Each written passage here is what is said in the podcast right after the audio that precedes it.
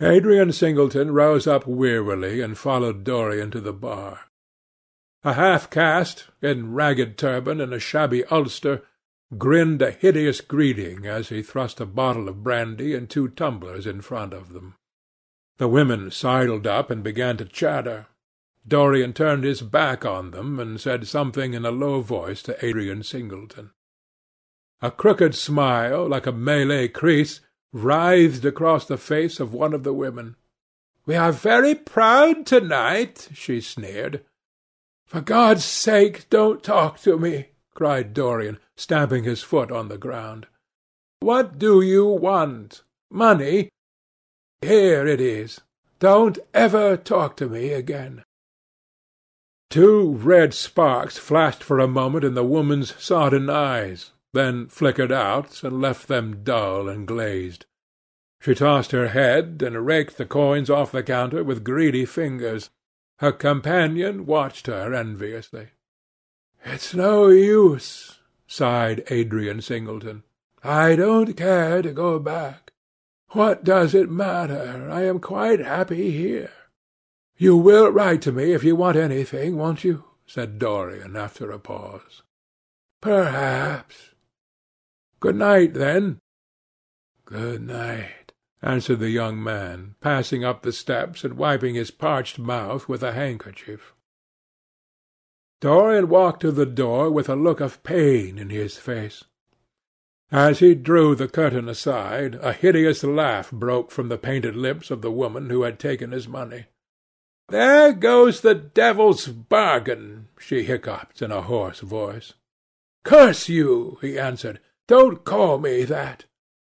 She snapped her fingers. "Prince Charming is what you like to be called, ain't it?" she yelled after him. The drowsy sailor leaped to his feet as she spoke, and looked wildly around. The sound of the shutting of the door fell on his ear. He rushed out as if in pursuit. Dorian Gray hurried along the quay through the drizzling rain. His meeting with Adrian Singleton had strangely moved him, and he wondered if the ruin of that young life was really to be laid at his door, as Basil Hallward had said to him with such infamy of insult. He bit his lip, and for a few seconds his eyes grew sad. Yet, after all, what did it matter to him? One's days were too brief to take the burden of another's errors on one's shoulders. Each man lived his own life and paid his own price for living it. The only pity was one had to pay so often for a single fault. One had to pay over and over again indeed. In her dealings with man, destiny never closed her accounts. There are moments, psychologists tell us, when the passion for sin, or for what the world calls sin, so dominates a nature that every fibre of the body, as every cell of the brain, seems to be instinct with fearful impulses. Men and women at such moments lose the freedom of their will. They move to the terrible end as automatons move. Choice is taken from them, and conscience is either killed or if it lives at all, lives but to give rebellion its fascination and disobedience its charm. For all sins, as theologians weary not of reminding us, are sins of disobedience. When that high spirit, that morning star of evil, fell from heaven, it was as a rebel that he fell. Callous, concentrated on evil, with stained mind and soul hungry for rebellion, Dorian Gray hastened on, quickening his step as he went.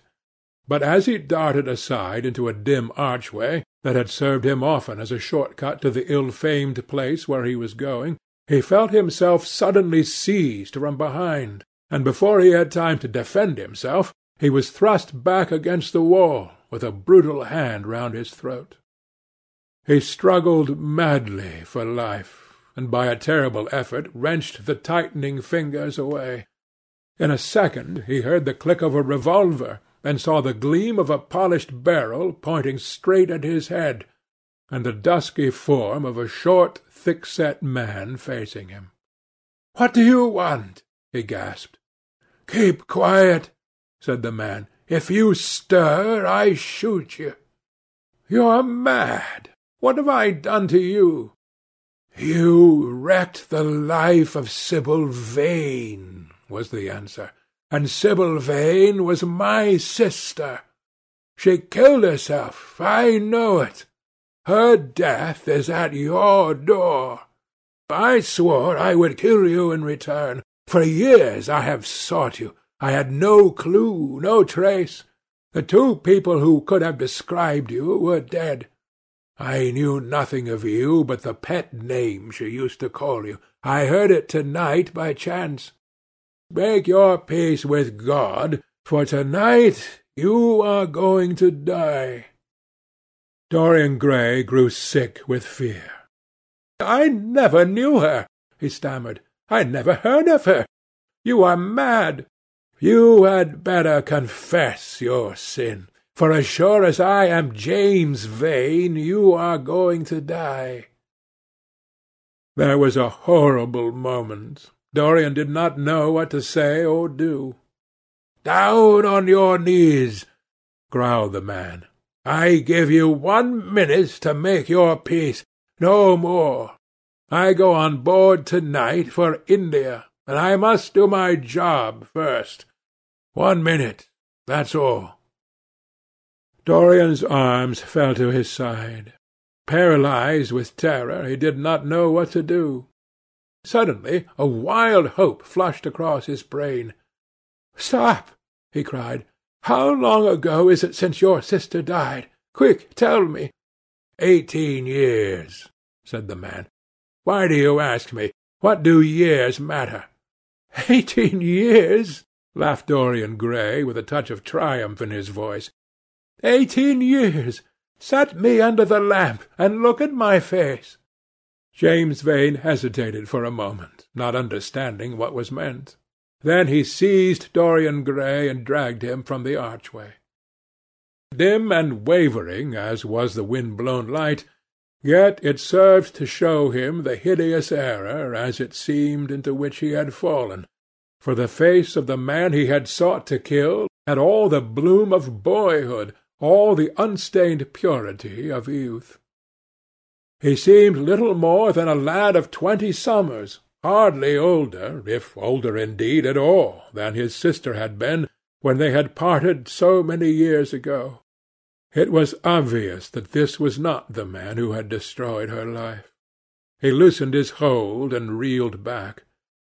"My God!" he cried. "And I would have murdered you!" Dorian Gray drew a long breath. "You have been on the brink of committing a terrible crime, my man," he said, looking at him sternly. "Let this be a warning to you not to take vengeance into your own hands. "Forgive me, sir," muttered James Vane. "I was deceived. A chance word I heard in that damned den set me on the wrong track.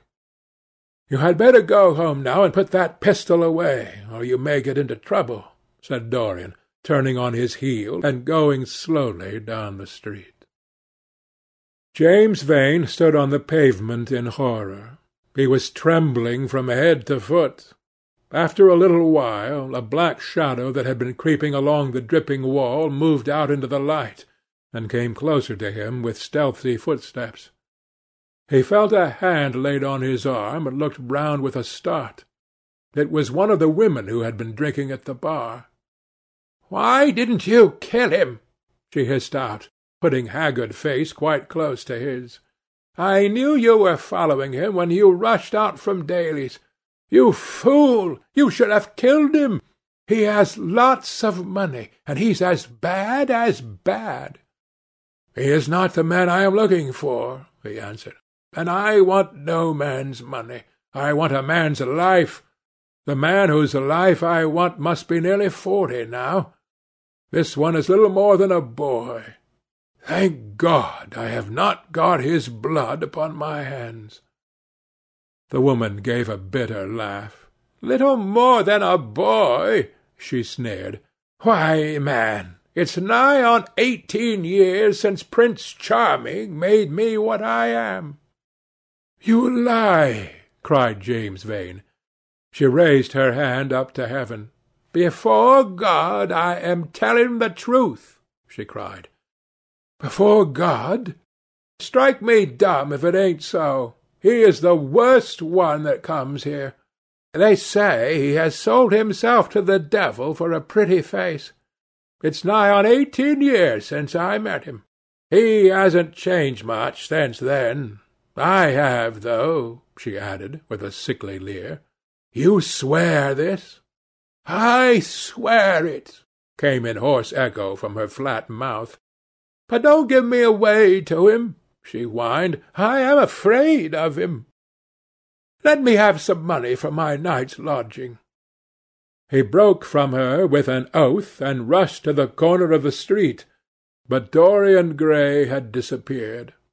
When he looked back, the woman had vanished also.